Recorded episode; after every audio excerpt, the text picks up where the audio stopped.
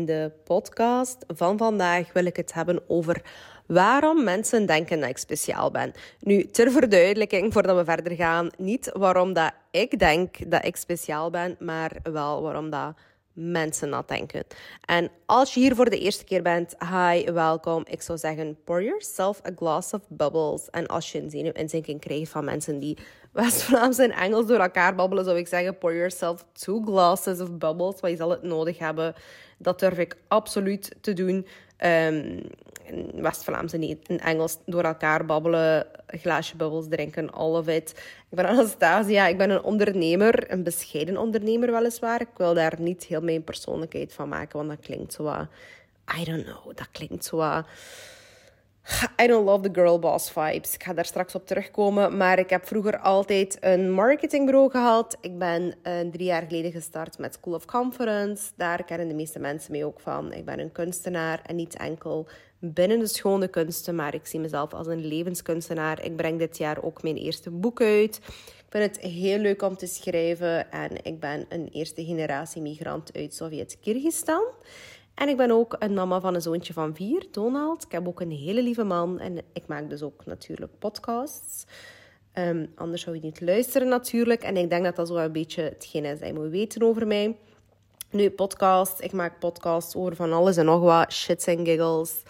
Alles wat er op mijn pad komt. Ik vind dat heel moeilijk om mezelf te definiëren en mezelf in één niche te steken van hallo, ik ben Anastasia en ik doe female empowerment of mijn ding is taboes doorbreken. Ik vind um, heel veel activistische topics heel intens en ik begrijp heel goed dat mijn boodschap ja, absoluut um, het beoogde effect heeft vanuit een activistisch, een, een activistisch sorry, standpunt. Maar ik vind um, op, activisme op zich vind ik soms heel intens. Ik word ook heel vaak in het vakje gestoken van body positivity. En hoewel ik absoluut overtuiging ben toegedaan dat alle mensen fantastisch zijn en mooi zijn en zich mooi moeten voelen in hun lichaam. Um, en activisme is ook absoluut belangrijk en heeft uh, mist absoluut zijn effect niet. Is, uh, is er nodig om uh, de pendulum te doen swingen naar de andere kant. Maar ik vind het ook heel belangrijk dat er gematigdheid is in de wereld. Um, ik snap waarom het er heel veel activisme is. Ik snap dat het nodig is. Ik snap ook waarom het er heel veel mensen boos zijn, zoals de feministen en de body positivity activisten. Maar ik ben iemand die in onze tijd, uh, waarin activisme vaak ook een vorm van entitlement is en een vorm van deugdpronken. En ja, je kent het wel, de virtue signaling van kijk hoe moreel verheven dat wij zijn en jullie zijn allemaal slecht bezig en dit is hoe dat je moet leven. Ja, daar ben ik geen zo'n fan van. Uh, ik denk dat iedereen um, zijn eigen lessen moet leren. Ik denk dat iedereen ook het leven moet aanpakken zoals dat hij zelf wilt. En persoonlijk ben ik graag advocaat van de duivel. Ik heb het laatste jaar eigenlijk heel veel podcasts gemaakt met andere mensen, ook heel veel bekende mensen, omdat ik vind dat je ja, in de media vaak dezelfde vragen krijgt. Uh, of je ziet in interviews vaak dat mensen zich niet veilig genoeg voelen om zo die muur van mediatraining te laten zakken. Dus heel vaak komen er ook bekende mensen langs op mijn podcast om te spreken over hoe dat zij confidence hebben verworven. Um, hoe dat zij omgaan met de ups en de downs van het leven. Maar ik vond dat ook heel leuk om net zoals uh, ja, in mijn allereerste podcast-episode, toen ik pas begonnen was met het podcasten, Um, toen ik het helemaal alleen deed, zonder andere mensen, zonder camera. Om dat terug wat op te pikken. Because I'm a chatty fucking patty. En ik heb het gevoel dat ik de gesprekken, allee, in de gesprekken met andere mensen, dat ik niet altijd nog een keer zo die extra boodschap kan meegeven. Omdat ik altijd dan mensen zo. I don't know. Ik denk niet dat ik mensen onderbreek, maar ik denk... Um, dat zo het concept van een gesprek of een interview anders te veel zou overgaan naar ik die constant dingen wil doorpushen. En voilà, like, it's my fucking podcast. Natuurlijk kan ik er dingen doorpushen en ik vind het belangrijk om sommige dingen te delen en te zeggen. En uh, ik ben altijd op zoek naar wat dat het beste format is. Ik denk dat dat ook echt een van de key elements is van het leven. Dat je zo gewoon wat dingen uitzoekt van wat werkt er wel, wat werkt er niet. Um, just go with the flow. Allee, de flow, ja. Ik ben nu wel niet de persoon die met de flow meegaat. Ik ben wel een redelijk intens persoon. Maar uh, ik vind het belangrijk om dingen uit te proberen. En voilà, om ook deze podcast te maken waarin dat ik echt dingen meegeef aan jou, de luisteraar. En voilà, zo komen we bij het onderwerp van de dag. En dat is waarom dat mensen denken dat ik fucking speciaal ben. Nu, um, deze maand ben ik genomineerd voor drie awards. Uh, out of the blue. Ik ben 30 jaar en plotseling ben ik genomineerd voor um, de Castaars. Super fabulous. Um, voor de Jamies, de Jamies Awards. En voor de krak van mijn gemeente van de krant van West-Vlaanderen. Nu, ik vind dat echt oprecht super leuk. Ik ben daar ook oprecht heel dankbaar voor. Um, sinds een jaar kom ik af en toe op televisie. Ik heb dit jaar ook een aantal uh, covers gehad. Twee flaircovers uh, gedaan. En die nominaties zijn in lijn met wat ik al het hele jaar hoor. En dat is van, oh proficiat, je bent goed bezig. Er is een bepaalde vorm van erkenning. Uh, voor wie dat ik ben en wat dat ik doe. En ik ga super eerlijk zijn met jou. Ik heb dit jaar oprecht ja, I worked my fucking ass off. Maar ik heb niks speciaals gedaan in de zin van... Ik heb niks anders gedaan dan dat ik anders gedaan heb in mijn leven. En um, ja, letterlijk, ik ga al bijna tien jaar mee in de wereld van blogs en Instagram en YouTube en wat dan ook. Nu, ik noem mezelf niet graag een influencer. I don't know. Ik, eh, weet dat niet. Ik denk dat we daar echt een nieuw woord voor nodig hebben. Um, ik hoorde onlangs de meisjes van UPR, die hadden het over key person of interest. En ik dacht, kijk, niet to suck my non-existent dick, maar dat klinkt toch veel beter dan een influencer. I don't know. Ja, oké, dat zijn natuurlijk ook allemaal de, formal, uh, de, formalities of it all. Maar ik heb eigenlijk tien jaar niets anders gedaan dan dat ik uh, altijd allez, ja, hetzelfde gedaan heb, tien jaar lang.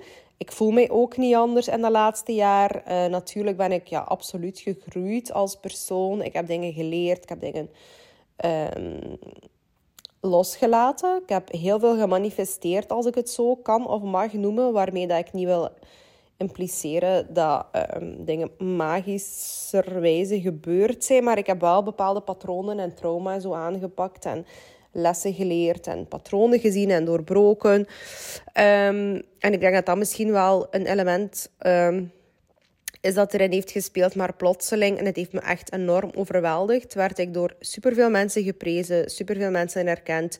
Nu ook absoluut 1000% gehaat en misbegrepen, maar kijk, dat ben ik nu echt ook al, ja, kijk, ik ben 30 jaar voor iets, dat ben ik nu echt wel al gewoon.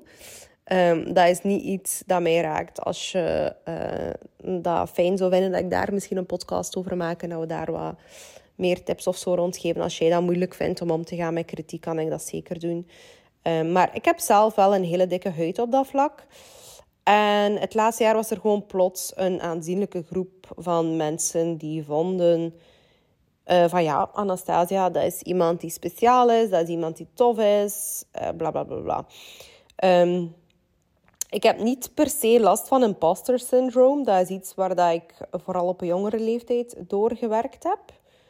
Nu, als ik niet oplet, als ik um, niet goed zorg voor mezelf, zou dat absoluut naar boven kunnen komen. Maar het is gewoon, het komt niet vanuit een imposter syndroom dat ik zeg van ik heb niks anders gedaan. Ik voel me niet anders. Ik ben dat ook gewoon om geen erkenning te krijgen voor dingen dat ik doe. Dus dat was aan de ene kant ook heel raar voor mij om erkend te worden in bepaalde dingen. Omdat ik gewoon zoiets heb van, ja maar, guys, I've been here all along. I've been doing this all of this time. En voordat je denkt dat ik de indruk heb dat de meridiaan van de wereld door mijn had loopt, nee. Ondanks het feit dat ik een hele grote poep heb, draait de wereld absoluut niet om mij.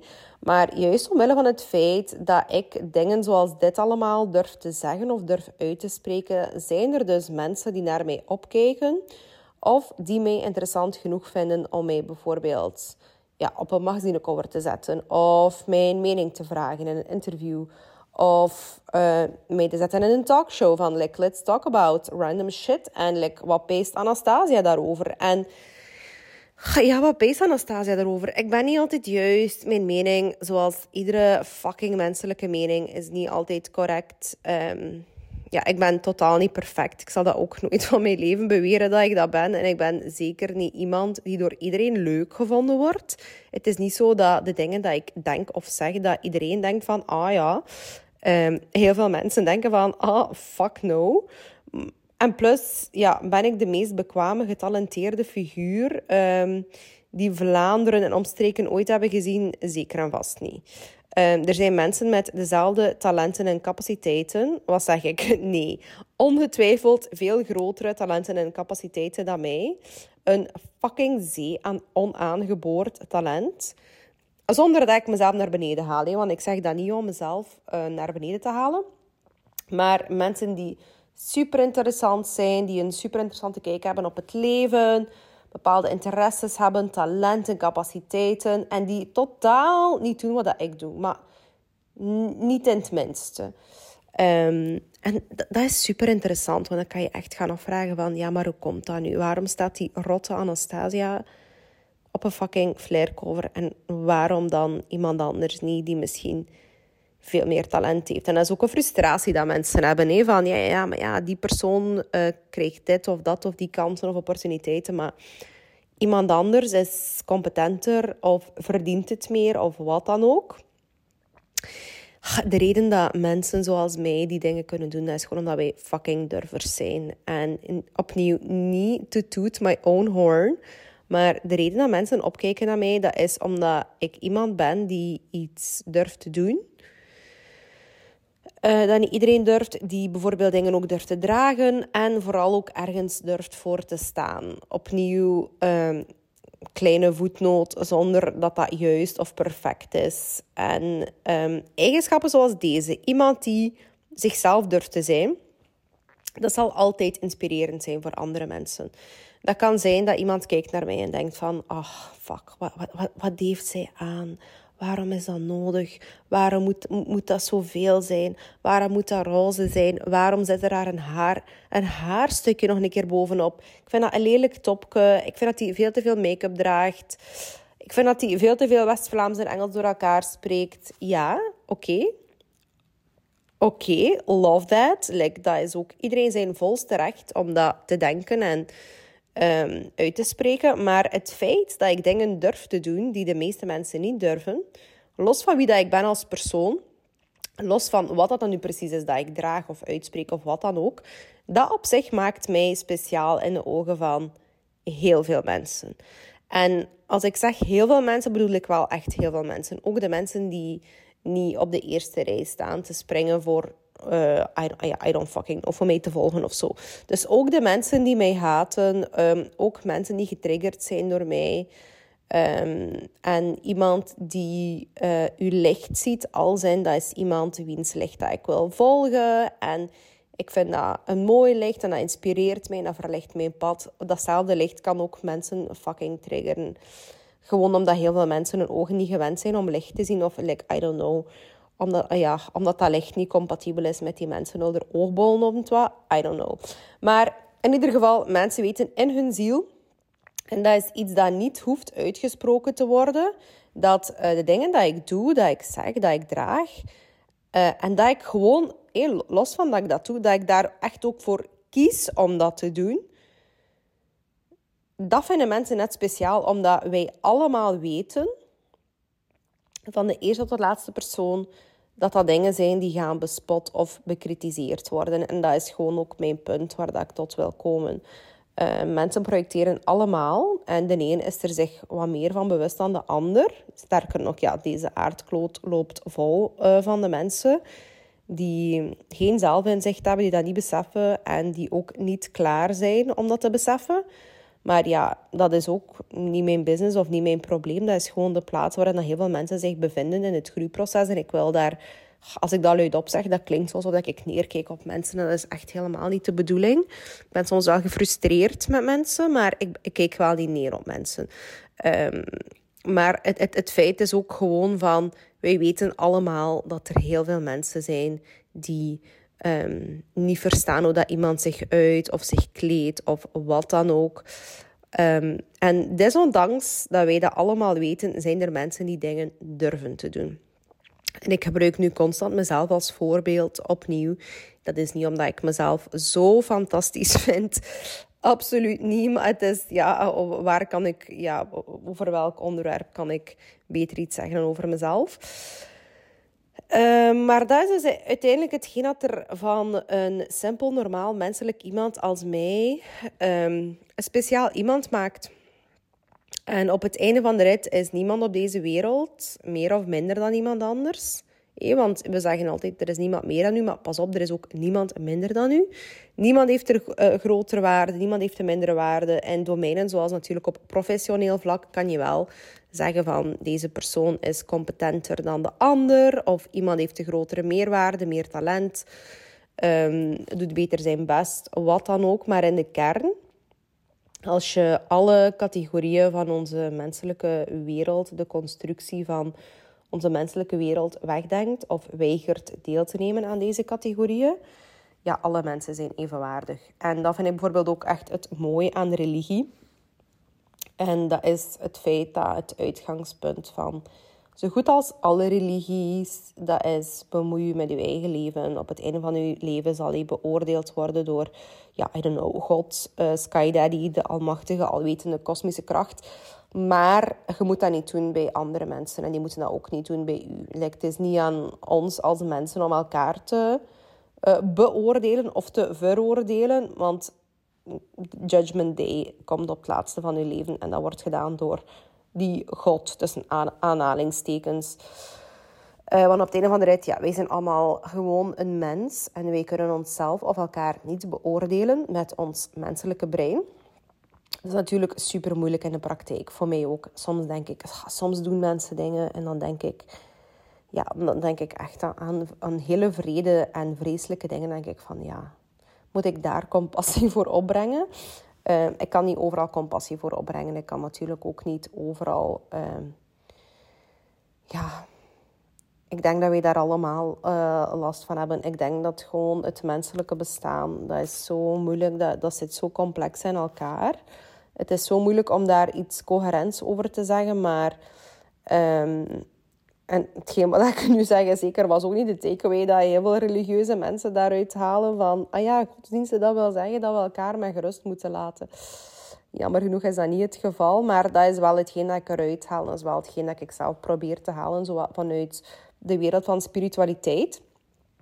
Maar binnen de menselijke wereld, dat is ook zo. Wij zetten gewoon andere mensen heel vaak op een op een voetstuk, omdat ze bepaalde eigenschappen hebben die voor ons zo bewonderenswaardig zijn, omdat we denken dat wij die eigenschappen niet uh, zouden kunnen hebben, dat we echt opkijken naar die mensen, dat we die echt speciaal of bijzonder vinden. En zoals ik daarnet ook zei, iemand die uh, getriggerd is door u of iemand die afgunstig is, in mijn ogen is dat hetzelfde, want jaloezie is voor mij ook dezelfde vorm van uh, kijken naar iemand. Allee, als we het dan hebben over jaloezie natuurlijk, of afgunst. Afgunst is kijken naar iemand en denken van...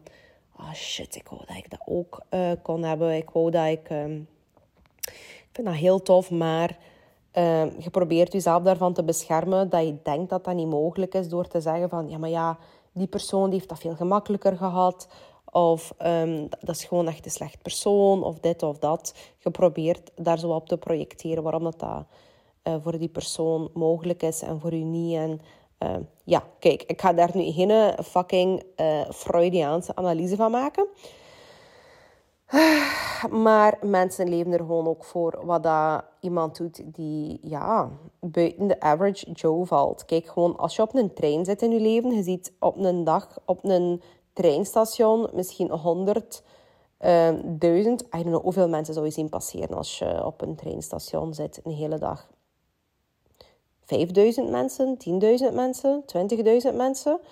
Pak dat dat nu 1000 mensen zijn. Ja, ik kan dat perfect geloven dat 100 mensen een grijze jas en een vale bruine broek mooi vinden, maar niet 1000 mensen. Ehm, als er geen judgment zou zijn van de buitenwereld en als iedereen naar zijn of haar of hun innerlijke stem zou luisteren van wat vind ik nu mooi? En hoe, wil ik mezelf presenteren uh, in de buitenwereld?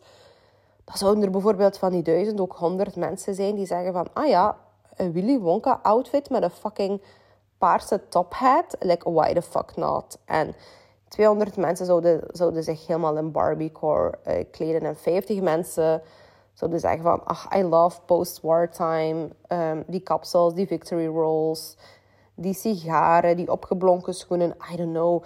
Dus gewoon, allee, ik, ik geloof dat. Er is ook niets mis met um, grijze, grauwe kleding. Ik heb ook heel veel uh, grijze, grauwe kleding en het doet er ook niet toe wat ik mooi vind. Maar ik geloof gewoon oprecht niet, zonder daar ook een waardeoordeel over uit te spreken, dat als de wereld zou gereduceerd worden tot die duizend mensen op een treinstation, dat iedereen dat mooi vindt. Um, en ik zou dat juist heel fijn vinden, persoonlijk, als iemand, al is dat iets dat ik voor mezelf persoonlijk afreus lelijk zou vinden, dat ik nooit zou willen dragen, dat ik nooit en zou willen gezien worden. Dat is niet wie dat ik ben, maar ik zou dat wel fucking gorgeous vinden als iemand anders bepaalde dingen draagt die um, een, een, representatie zijn van hoe dat die persoon zichzelf op deze wereld ziet. I would love that. Um, en ik ben dan meestal ook zo die ene persoon. Niet dat ze er niet zijn, maar die personen zijn redelijk schaars. Dan ben ik de persoon in roze teddyjas en wimpers en hakken. En dan, je voelt dat ook komen. En ik heb dat ook ik heb dat echt gehad vanaf een hele jonge leeftijd. Van, ik draag soms dingen en dat is ook zo niet.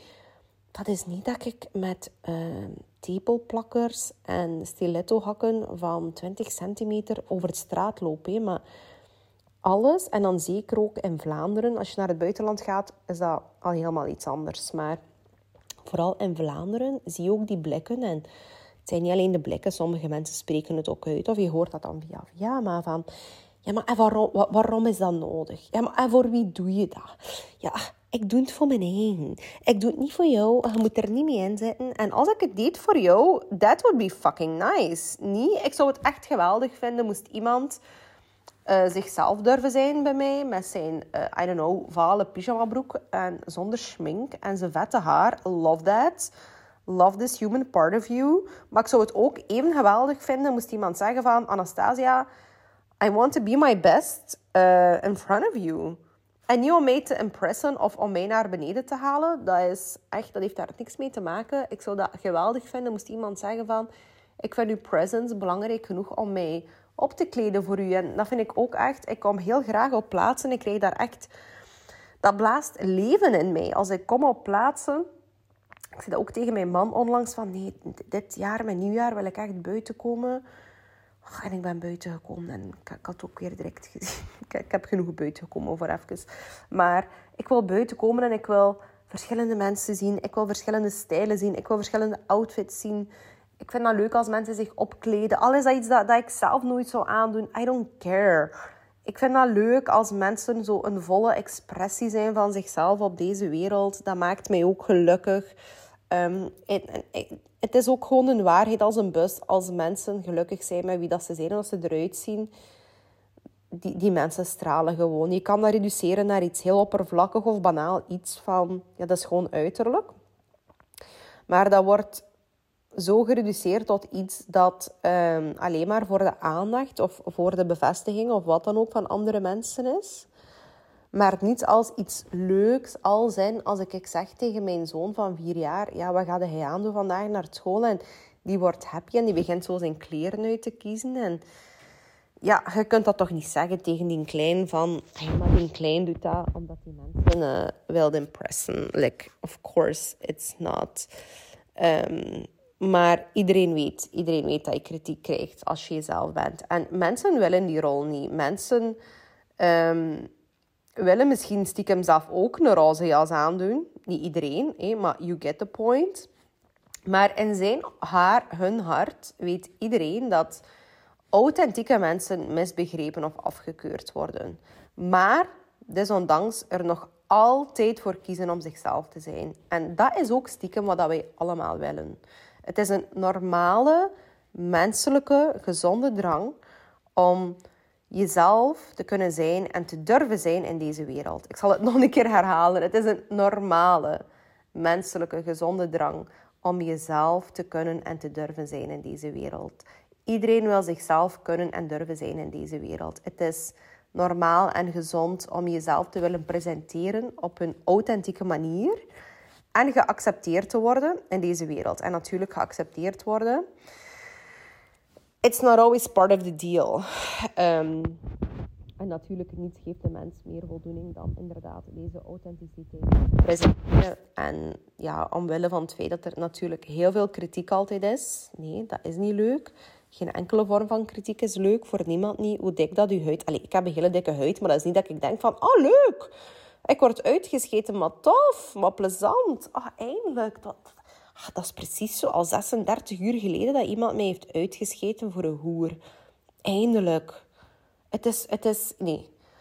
It's not what it is. Geen enkele vorm van kritiek is leuk. Dus ik snap voor mensen die een veel minder dikke huid hebben dan mij bijvoorbeeld, dat dat mensen zijn die ervoor kiezen om alle vormen van controverse te vermijden en ook zo normaal mogelijk te zijn.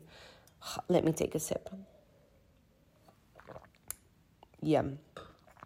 Nu, mijn bestaan zie ik persoonlijk als een sociaal experiment. Ik heb er ook zo goed als een boek over geschreven, over al mijn gekke avonturen. Dat komt op 2 maart uit. Aan de ene kant, ah, ik heb echt shitting my pants.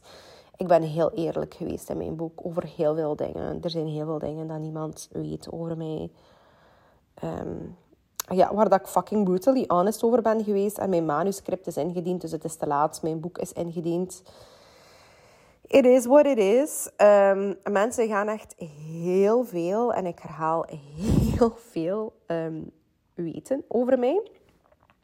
Maar aan de ene kant, ik vind dat ik dat ook uh, verschuldigd ben aan de wereld en aan mezelf. En als ik zeg van, ik, ik vind dat ik dat verschuldigd ben aan de wereld, dat wil niet zeggen van...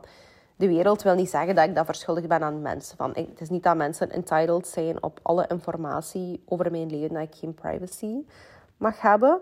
Maar het is wel een onderdeel van mijn purpose op deze wereld. En als we even teruggaan naar zo die spiritualiteit. Naar mijn gevoel heb ik wel een soort van zielscontract. Um, waarbij dat, dat heel belangrijk is voor mij om authentiek mezelf te zijn. En te zijn wie dat ik ben en te leven in openheid. Het is iets wat mijn ouders en voorouders bijvoorbeeld nooit hebben gedaan of nooit kunnen hebben doen.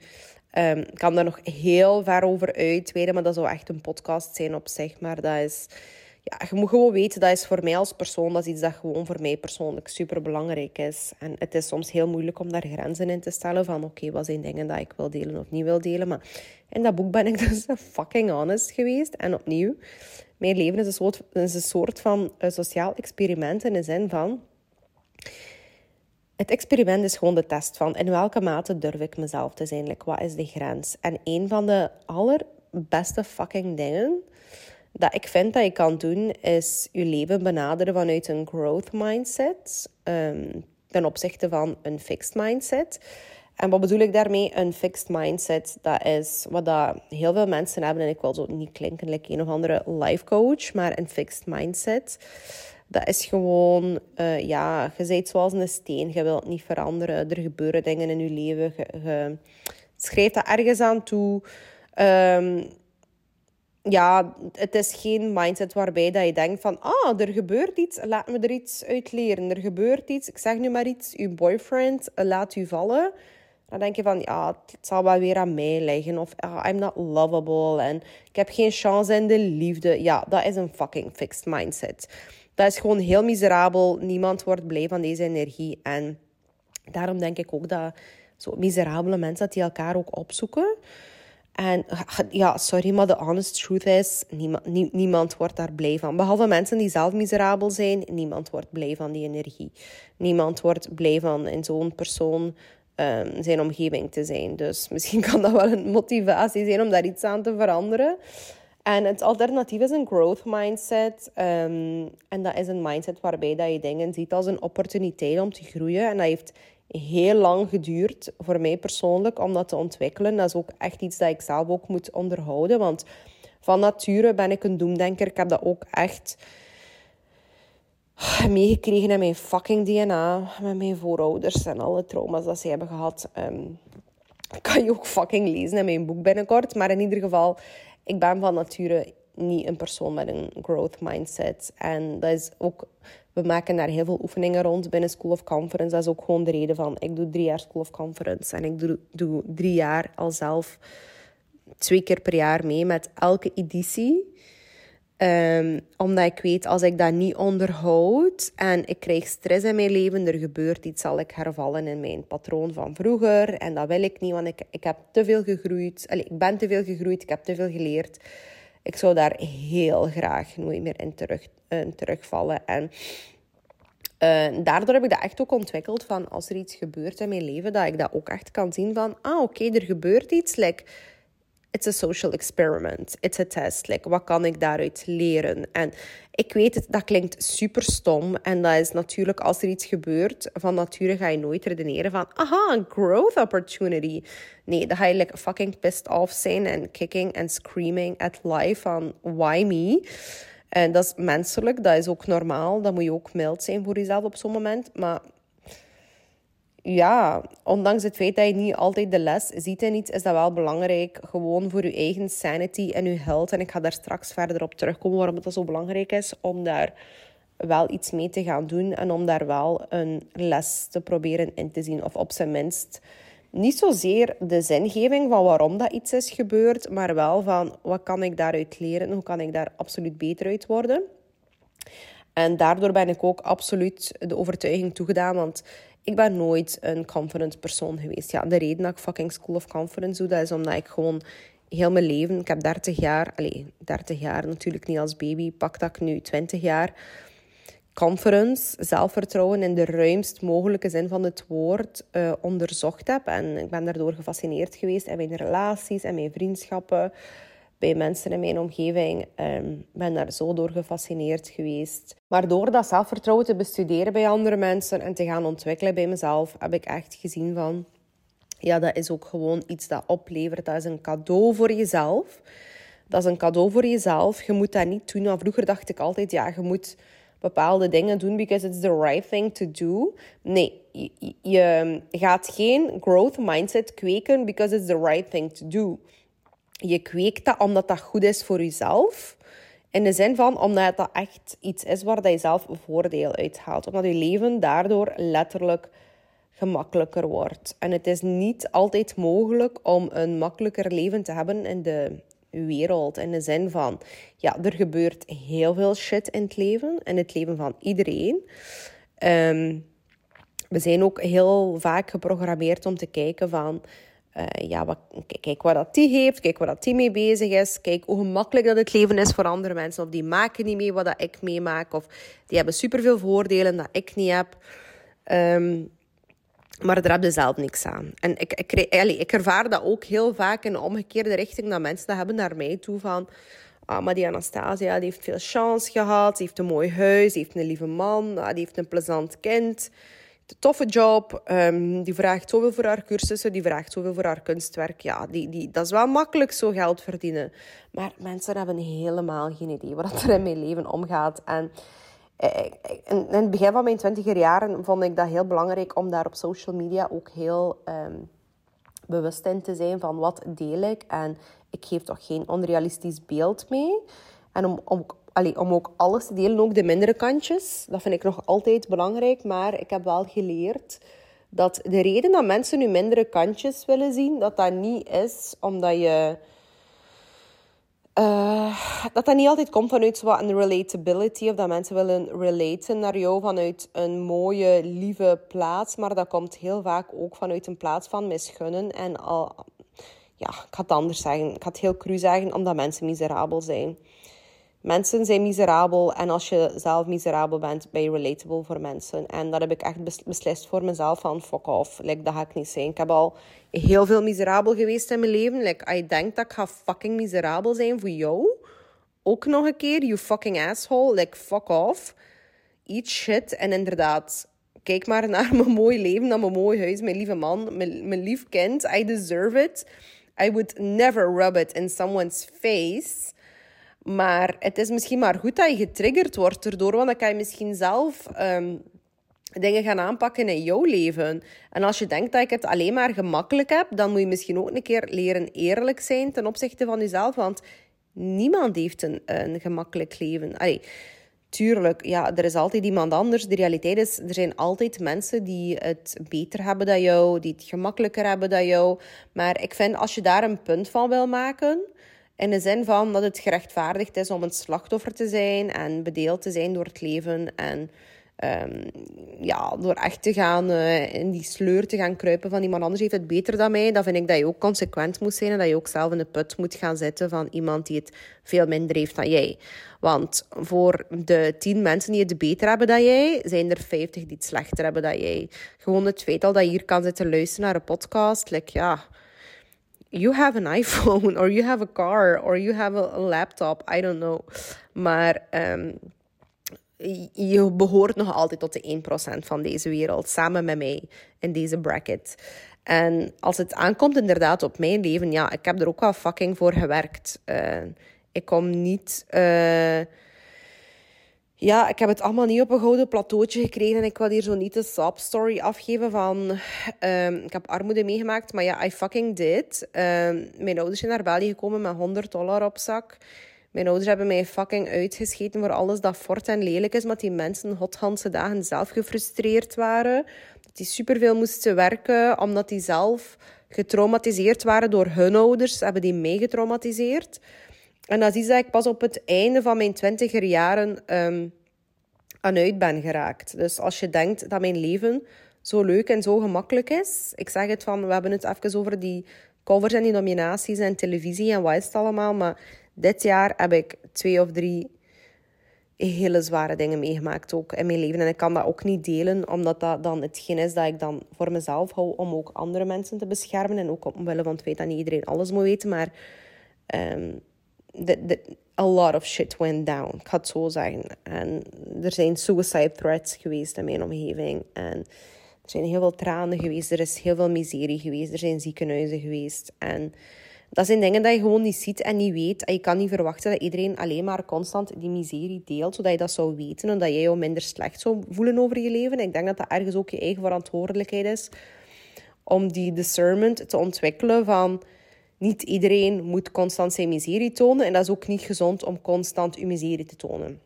Want dan blijf je ook gewoon gefocust op die miserie. En het is ook gewoon, de miserie is niet altijd iedereen zijn business. Dus ja, ik zeg het, mijn leven, de goede dingen die ik heb, ik heb er absoluut heel hard voor moeten werken. Er is niets dat plotseling uit de hemel is komen vallen. Uh, ondanks het feit dat ik wel de overtuiging ben toegedaan dat ik heel veel chance heb gehad. In de zin van, ik heb de kansen gekregen, maar ik heb moeten vechten voor mijn kansen. En de kansen dat ik zomaar aangeboden gekregen heb, heb ik ook echt met twee handen vastgepakt. En zelfs dan nog... Um, ik ga zelf ook niet mijn ogen laten uitsteken door mensen die het uh, beter of gemakkelijker hebben. Eigenlijk moet ik mij daar ook niet, niet, uh, niet voor verantwoorden. Maar wat dat ik zou doen als ik iemand was die um, jaloers was op iemand of die. Uh, ja, dat dat mijn ogen uitstak, dat iemand het gemakkelijker had dan mij of die, die meer geprivilegeerd was dan mij.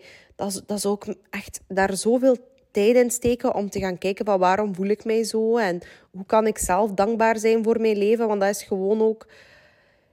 Als je nu niet gelukkig bent met je leven, ik weet dat dat zo cliché klinkt, maar als je nu going through it bent en je bent nu niet gelukkig met je leven en niet dankbaar, you will never be happy if you have all of the things you wish you had. En die tijd steken om die dankbaarheid te ontwikkelen, dat is ook absoluut een gigantische vorm van zelfzorg en zelfliefde. Want voor mij persoonlijk zou ik dan denken van, ja, waarom zou ik mijn leven dat mij gegeven is? I'm literally living, breathing. Er zijn mensen die fucking aan het sterven zijn aan kanker, die, die hun kinderen verloren zijn, die gebombardeerd worden op dit eigenste moment. Waarom zou ik niet dankbaar zijn voor hetgeen dat ik heb en zou ik mezelf naar beneden halen voor iemand die meer heeft? Want uiteindelijk, als je meer krijgt, ga je ook. Ik weet dat je denkt van nee, ik ga niet zo zijn, maar dat is wel zo. Je gaat wel zo zijn. Je gaat wel zo zijn. Trust me, I've been there. Vanaf dat je meer krijgt, denk je nog altijd, ah ja, en het kan nog beter. En als je die, allee, dat is normaal. Allee, the universe is ever expanding and so are you. Dat is normaal dat je als mens altijd ergens op zoek bent naar de volgende stap. Maar als je dat doormaakt als iemand die zich constant vergelijkt met andere mensen, dan kan dat super, super, super toxisch zijn. En de waarheid is ook gewoon, en ik wil nu opnieuw niet klinken als een of ander mens met zo'n story en de rags to riches uh, storytime. Maar toen, toen ik de, de minste middelen had in mijn leven, heb ik het meeste gedaan in mijn leven. Niet dit jaar. Niet met de nominaties en tv en covers en heel die shit. Um, niet toen ik, me, allee, toen ik met mijn man ons huis hebben gebouwd. Niet toen ik succesvolle School of Confidence edities heb gehad. Keer op keer opnieuw. Letterlijk de meeste um, impact dat ik gemaakt heb in mijn leven, dat is toen ik letterlijk op school zat. Toen dat er gelachen werd met mij. Uh, toen ik gepest werd. Toen ik in een fucking shitty-ass relatie zat toen ik verplicht moest werken in een pluimveeslachterij als jobstudent, waar ik ook nog een keer fucking wc's moest wassen, omdat ze mij like, wilden humble. Die, um, de kippenchefs. Ja, toen heb ik mijn businessplannen gemaakt. Toen heb ik websites leren bouwen. Toen heb ik leren editen. Allemaal vaardigheden die ik heb kunnen monetizen en benutten. Niet enkel binnen mijn marketingbureau uiteindelijk, maar waar ik ook een personal brand uit heb kunnen bouwen. En waar dat ik nu exponentieel uiteraard de vruchten van pluk. Um, dus het start in de struggle en de creativiteit start ook in het um, niet hebben van de privilege, niet hebben van de middelen en het start echt in de struggle. Het start niet andersom, want ik weet dat heel veel mensen zeggen van ja, ik zou dat wel willen, of ik zou dat graag doen, of ik wil um, een grote TikToker worden, maar dat is wel allemaal gemakkelijk als je een bepaald privilege hebt, of als je op een bepaalde manier eruit ziet, of als je bepaalde dingen hebt, dan is dat gemakkelijk. Moest ik dat hebben, zou ik dat ook kunnen doen. En dan bijvoorbeeld kakken op bijvoorbeeld een Sarah, een Puttemans van, ah ja, ja, maar die heeft het gemakkelijk, want ja, die heeft wel stellende ouders en die is samen met Victor. En ja, maar ja, als ik dat allemaal had, dan zou ik dat ook kunnen hoor. Ja, maar you really don't know. Heeft hij een makkelijk leven? Dat weet je toch helemaal niet. En opnieuw, dat is echt zo'n reality check dat mensen vaker moeten doen voor zichzelf. Van, ja, ja, die heeft een makkelijker leven of die heeft chance gehad of die dit of dat. Maar do you know? You don't. You really, really, really fucking don't. Hetzelfde ook met bijvoorbeeld Kim Kardashian. Ja, maar ja, dat is allemaal gemakkelijk als je een sekstape hebt. Ja, maar als dat zo gemakkelijk is, gewoon een sekstape maken en dan zijn je zo bekend en zo rijk en je kunt zoveel uh, dingen doen met je leven en ondernemen. En je krijgt al die opportuniteiten. Ja, maar waar is, het? waar is uw sekstape? En als je zegt van, ja, maar ja, ik zou nooit een sekstape maken. Ja, oké, maar dan van al die miljoenen, miljoenen, miljoenen mensen op deze wereld die wel een sekstape hebben gemaakt, waar is de Kardashian level of stardom van alle mensen met een sekstape? En Iedereen heeft een sekstape. Alle soorten mensen, alle lagen van de bevolking, alle sociale klassen. Zelfs mensen die reeds bekend waren en, inderdaad, zelfs veel bekender dan, dan, dan een Kim Kardashian. Dus nee, it's not a fucking sekstape. Sta daar een keer bij stil van. Zou het mogelijk zijn dat het gros van het succes van een Kim Kardashian niet kan herleid worden tot één klein en simpel iets? Uh, en dat, dat vind ik absoluut echt een hele grote vorm van zelfreflectie dat iedereen zou moeten beoefenen om inderdaad te komen tot die growth mindset. En je kunt eh, urenlang discussiëren over Kardashians en dingen. Ja, en we might do that in another podcast. Maar andere mensen zijn niet um, verantwoordelijk voor je leven. Hetzelfde opnieuw even terug naar de Kardashians. Van iedereen die zegt van ja, maar die, die, die creëren een negatief beeld en voor jonge meisjes en dit en dat. Ja, iedereen heeft een effect op deze wereld. Er gaan mensen zijn die, die gaan kijken naar Kim Kardashian of naar, naar een van de Kardashians zus, zussen en die gaan super geïnspireerd zijn. Die gaan daar naartoe opkijken. Die gaan zeggen van, ah, kijk naar die vrouwen. Dat zijn vrouwen die businesses starten. Dat is voor mij ook mogelijk. Um, of dat zijn vrouwen die er glam uitzien. Ik zou dat ook graag willen in mijn leven. Of die hebben een goede band als familie of wat dan ook. Er gaan ook mensen zijn die daar een heel slecht gevoel van krijgen. Die bijvoorbeeld body dysmorphia of zo gaan ontwikkelen. En ik wil niet spreken voor de hele wereld. Want natuurlijk valt niet alles in deze wereld te herleiden tot een simpel feit. En niet te reduceren tot iets waar dat je voor of tegen kan zijn. En uh, dat je heel eenvoudig weg kan beargumenteren op een random podcast episode. Maar ik ben zelf persoonlijk, als ik spreek voor mezelf, uh, enkel maar slimmer en wijzer geworden door als jong persoon soms domme dingen te doen vanuit het opkijken naar of bepaalde ideeën te volgen van celebrities of influencers of wat dan ook. Ik ben daar alleen maar slimmer uit geworden. En ik heb daar alleen maar um, groter onderscheidingsvermogen uit ontwikkeld. Um, en het besef dat eigenlijk bekende mensen, influencers, celebrities, Kardashians, wie dan ook, dat dat gewoon mensen zijn waar dat wij allemaal iets op projecteren. En ook dat dat gewoon geen goden zijn. Het is niet omdat Kim Kardashian een of andere, I don't know, fucking dieetlolly promoot. Dat wij dat ook allemaal moeten doen. Maar ook dat wij um, dat mensen op een brandstapel moeten zetten. Omdat...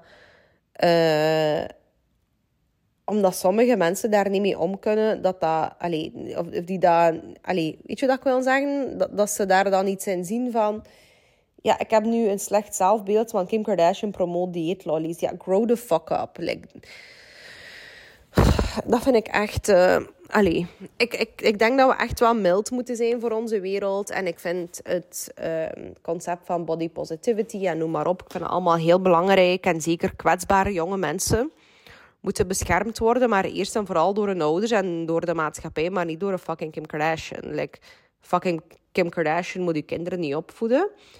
En dan plus, uh, de verkleutering van de maatschappij, dat is ook niet iets dat ik denk dat de wereld vooruit zal helpen. Ik denk dat dat heel goed is om voor een normaal gezond, een gezond persoon, om soms een keer tegen de muur te lopen en te beseffen van, ah ja, dat was eigenlijk niet the way to go. En om de dingen in het leven in een ander perspectief te bekijken en te beseffen van, je kan niet blindelings opkijken naar mensen.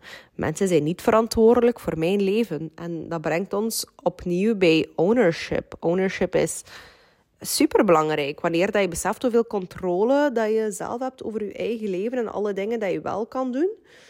Om um, iets positiefs te bereiken of iets positiefs te verkrijgen. In plaats van bijvoorbeeld te klagen van...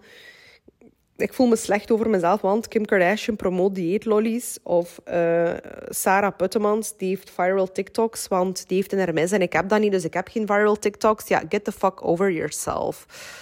Um, er zijn zoveel mooie, prachtige, waardevolle, zinvolle dingen dat je kan doen. Um, waar dat je zelf controle over hebt. Je hebt zoveel controle over je eigen leven. Dat is eigenlijk zo de bottom line van deze podcast. Van doe dingen buiten je comfortzone. Besef hoeveel impact dat je zelf kan maken. En ik zeg het van, ja, ik heb dat nu over die nominatie of cover of whatever. Maar dat is gewoon een stom voorbeeld. Dat kan voor iedereen ook iets anders zijn. En misschien ook bijvoorbeeld door uh, dat juist uit te zoeken of te gaan ontdekken van wat je wilt kan je misschien tot de conclusie komen van dat is gewoon juist wat ik niet wil. Ik wil helemaal niet die cover, of ik wil niet die tv-performance, of ik wil niet die Instagram-volgers, of ik wil niet de Hermes van Sarah Puttemans. Dat maakt mij niet gelukkig. En dat is gewoon de beauty of it all. Dat is denk ik gewoon de journey of life. En dat kan... Um, dat kan soms zo verkloot worden, denk ik, in onze tijd door het constant moraliseren en het um, ja, alles te gaan, ja, dat moraliseren gewoon. Hè. Te, gaan zeggen van dit is juist, dit is fout. Mensen zouden dit of dat moeten doen. Of mensen zijn verantwoordelijk voor hoe dat mijn leven is of hoe dat ik mij voel. En ik denk dat de wereld maar kan veranderen als we iedereen ook wat meer um, ruimte vooral ook geven om te groeien. Om ook fouten te maken, om dingen in te zien. En vooral in dat proces hopelijk ook de eigen kracht te ontdekken. En ik zal ook nog even een geheim vertellen. Ik haat het. Ik denk niet dat ik dat ooit al gezegd heb. Maar ik vind het echt vreselijk om te spreken over School of Conference. En de reden daarvoor is, en dat kan absoluut ook iets zijn dat ik nog in moet groeien, omdat ik nog uh, ik denk gewoon, als je wil weten echt waarom, dan moet je gewoon mijn boek lezen als het uitkomt. Um, totaal niet om mijn boek te verkopen, maar opnieuw, daar komt het ook op neer.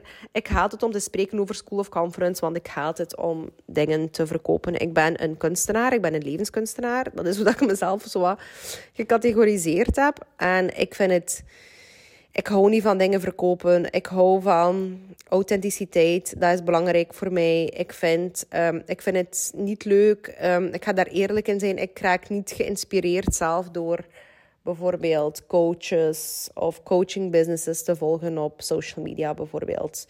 Soms volg ik wel mensen omdat ik denk van ja, die, die, die moeten waarschijnlijk wel impact maken, maar dat is niet dat ik daar zelf door geïnspireerd word. En het is ergens ook door het feit dat ik ehm, binnen dat domein niet vond dat er dingen waren die dingen deden op een manier die voor mij zelf impactvol zou, zouden geweest zijn. Wacht, leg ik het goed uit? In de coaching business, in het domein van uh, uw leven verbeteren, uh, zelfontwikkeling, dat soort van dingen, vond ik niet dat er dingen, dat er opties waren die dingen aanpakten op mijn manier, op de manier van uw leven zien als kunst. Uh, echt gaan ontdekken wie dat je bent, maar niet zo op die ja, op die life coaching manier. Ik weet niet hoe ik het beter moet uitleggen. Ik hoop echt ook dat ik niemand voor de borst stoot of niemand um, een slecht gevoel geef. En als het zo is, opnieuw, so be it. That's life. Maar um, dat is eigenlijk de reden dat ik gestart ben met School of Conference. Omdat ik zag van, er zijn te veel mensen die sturen naar mij van... Ik wil uh, ik wil u zelfvertrouwen, ik wil dingen durven. En dat ik echt dacht van, why, why the fuck zou je dat niet durven? Ik ging echt gaan kijken op die profielen, naar die profielfoto's. En ik dacht echt van, meen je dat nu? Dat is nu iemand die zijn leven aan het vergooien is. Allee, in mijn ogen is dat uw leven vergooien. Ik weet dat niet iedereen dat zo ziet, maar het is echt zo. Het is echt uw leven vergooien. Want iedereen denkt altijd dat je zoveel tijd hebt, maar voordat je het weet ben je fucking 80 en bij een of andere bittere bitch die op HLN uh, artikelen, Facebook-comments achterlaat, omdat je zelf nog iets gedaan hebt met je leven. En dat is ook gewoon zo fucking jammer. En iedereen denkt altijd dat ze zoveel tijd hebben, maar we really don't. Um, dat is gewoon de reden dat ik gestart ben met School of Conference. Maar om het te kunnen doen, moet ik het wel verkopen. Moet ik erover spreken. En als ik er niet over spreek, dan weten mensen ook niet dat het bestaat. Er zijn mensen die een zaak niet zo zouden hebben gestart. Er zijn mensen die niet uh, op televisie zouden zijn gekomen, niet op de radio zouden zijn gekomen. Um, die niet uit een toxische relatie zouden zijn gestapt, die niet meer geld zouden hebben verdiend. En I really hate to talk about all of this, omdat voor mij klinkt dat echt als een salespraatje. En dat is gewoon iets dat ik echt niet leuk vind. En dat is ook een van de redenen um, dat dat ook de laatste editie zal zijn. Um, ik voel dat mijn missie hierin zo vervuld is. In de zin van, ik heb op een hele diepgaande manier heel veel mensen kunnen helpen. Het is ook oprecht een toptraject. Anders zou ik het ook zelf niet iedere keer doen. Like, ja, het is letterlijk... It's what I think is the best. En dat geef ik ook aan andere mensen. Maar um, ik voel... Ik heb dat ook altijd gezegd van... Ik zou nooit een leerkracht kunnen zijn. En dat is omdat je ergens min of meer dezelfde leerstof uh, geeft, elk jaar opnieuw. En ik heb het gevoel, als ik dat twee keer per jaar doe, acht maanden, ben ik eigenlijk constant hetzelfde aan het doen. En ik heb het gevoel van, ondanks het feit dat ik wel constant groei van dat traject te doen, van het constant te herhalen naar andere mensen, ondanks het feit, want ja, je kunt, er kunnen twee waarheden naast elkaar bestaan ook, in de zin van, dat is met heel veel dingen in het leven zo. Dat is iets dat mij heel veel energie geeft. Dat is iets dat ik uh, heel veel voldoening uithaal. Ik vind het ook echt iets heel belangrijks, maar het is ook iets dat zodanig veel energie vergt van mij, want ik geef alles, alles, alles, alles tijdens zo'n traject, dat ik weet van achter die vier maanden moet, kan ik gewoon even niks doen. Of omwille van het feit dat ik School of Conference doe, kan ik bijvoorbeeld andere dingen niet doen. Kan ik bijvoorbeeld niet een boek schrijven, kan ik niet een programma doen. Omdat ik bezig ben met hetzelfde keer op keer, zoals een leerkracht, te doen. Wat super zinvol is, maar dan, dan kan ik bijvoorbeeld niet mensen op een groter platform bereiken en helpen op een, uh, op een grotere schaal. Dat bijvoorbeeld. En ik ben ook op het, op het punt gekomen als iemand die heel lang een people pleaser is geweest en een perfectionist. En ik heb heel lang geleefd voor andere mensen. En dat is ook iets dat mij als kind aangeleerd is geweest.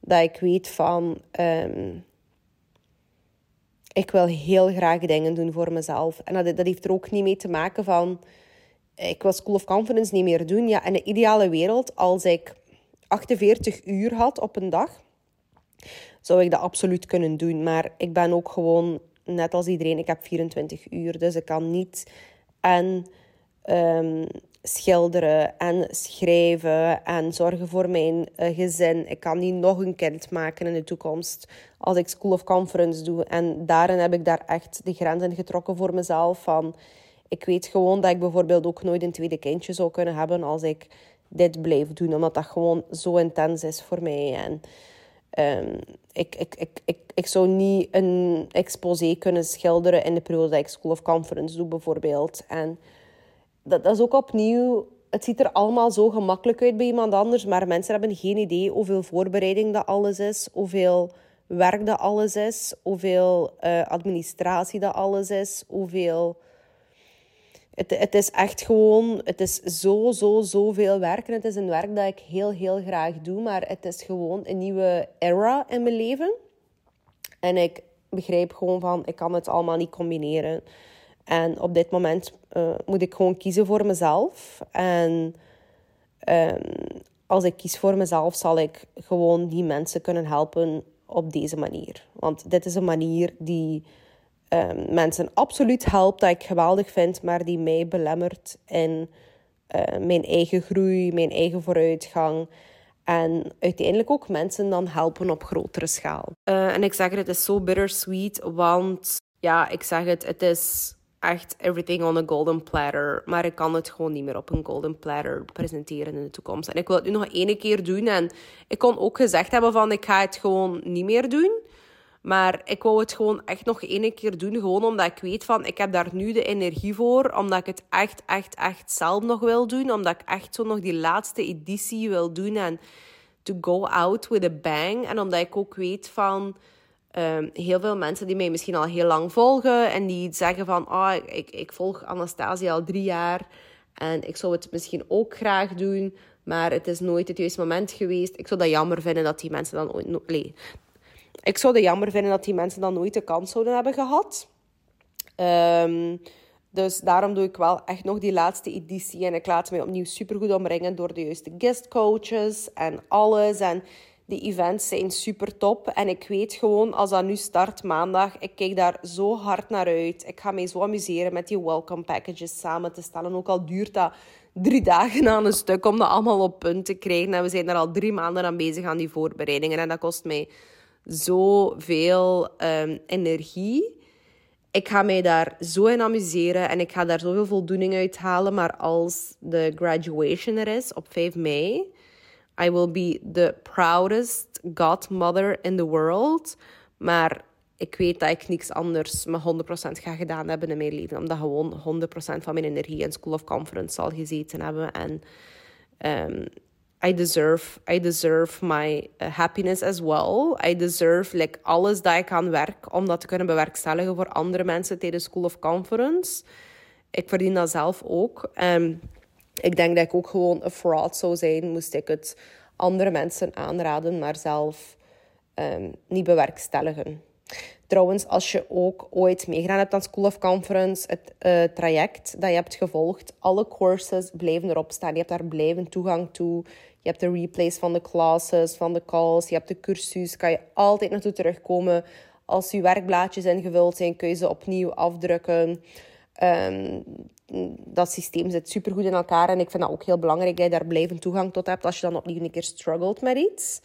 Ehm, maar ja, uh, ik zeg het, ik kijk er ook naar uit om dat gewoon niet meer te moeten pitchen. Ik haat het om dingen te moeten pitchen. Like nu ook, zou ik eigenlijk idealiter in mijn podcast daar ook over moeten zeggen van schrijf u in. Terwijl dat ik vind van, in mijn ziel heb ik echt zoiets van, als je je niet inschrijft, moet je het echt maar zelf weten. Dat moet je niet komen zagen bij mij dan moet je niet like, van it's fucking out there. Like, read the fucking website. Als het u aanspreekt, als je denkt dat dat iets kan maken voor jou, like, fucking do it voor jezelf. Nee, ja, ik, ik kan toch niemand bij de hand nemen en mensen verplichten om beter te willen voor zichzelf. En daarom ben ik ook gewoon een heel slecht salespersoon. Ik denk als ik ooit um, zou willen groeien in business, dat ik dan, dan echt een salespersoon onder hand moet nemen die echt money-driven is. Want ik ben niet money-driven. Jammer genoeg. Uh, I love money, I love abundance, maar ik ben niet money-driven. En ik ben geen salespersoon. Dus gewoon het feit al dat ik weet van ik moet altijd ook... Allee, ik, ik kan niet school of conference doen en daar gewoon niet over babbelen. Dus ik moet daar constant dingen over delen. En dat is gewoon, dat is niet aligned voor mij, want ik ben geen salespersoon. Dus als je niet ingeschreven bent, like, that's on you. Um, ja, what more can I say? Dat is gewoon the, the best I can do. Like, dat is gewoon mijn eerlijke mening. En Ik vind dat gewoon soms... Ik, ik, ik, ik, allez, aan mij is het ook heel moeilijk om iets te verkopen. Als mensen zo'n salespraatje afgaan, en ik weet dat salespraatjes dat je dat soms moet doen, uh, gewoon ook voor mensen eigen best wel, maar ze anders niet weten wat er allemaal bestaat en wat er allemaal mogelijk is voor hen. Maar I really hate it. It doesn't make me happy. En voilà, dat is ook echt een reden waarom dat ik um, mij alleen maar wil bezighouden met de art part of life. Making my life an art piece. En mensen op die manier inspireren. Dus als je een transformatie wil maken en tegelijkertijd echt in de watten wil gelegd worden. Want dat is ook de reden waarom dat School of Conference zo goed werkt. Dat traject van vier maanden. Omdat ik dat ik heb het werk dat niet zo leuk is. I cracked the code en ik heb dat echt kunnen transformeren in iets wat dat superleuk is. Het is gewoon zodanig ingekapseld door leuke calls, leuke activiteiten, leuke dingen. En de, de, de vibes en de support en de empowerment, waardoor dat, dat werk gewoon veel draaglijker wordt. That's the only thing I can say from the bottom of my heart. School of Conference is zo fucking legit. Het is zo waardevol het gaat je leven oprecht transformeren als je inderdaad doet wat je moet doen. En het is niet zo moeilijk. En ik ben zelf een busy ass fucking bitch, dus ik heb het ook echt ontwikkeld uh, voor mensen die een busy schedule hebben. Dan moet je je fucking inschrijven. Ik denk, ik weet het niet, niet, niet, zeker. Ik denk dat er op dit moment 15 tickets of zo niet meer zijn. En ik denk dat er 15 tickets verkocht worden op de laatste dag. Maar veel meer. Ik denk dat er vorige vorige editie dat er 36 tickets zijn verkocht. Op de laatste dag alleen al en de keer ervoor 26, dat weet ik nog. Maar voor de rest hou ik mij niet bezig met cijfers. Um, and I don't intend to do that in the future. In ieder geval, ik zie je misschien heel snel bij een School of Conference. Dan gaan we elkaar super vaak zien. Gaan we, ja, dan ga ik, wat ik vandaag gedeeld heb, is echt nog maar een, een splintertje van alle kennis dat je zal zien binnen School of Conference. En anders zie ik je in de volgende podcast. En ik wens jou een super fijne dag. Be the bad bitch that you know that you are. And bye.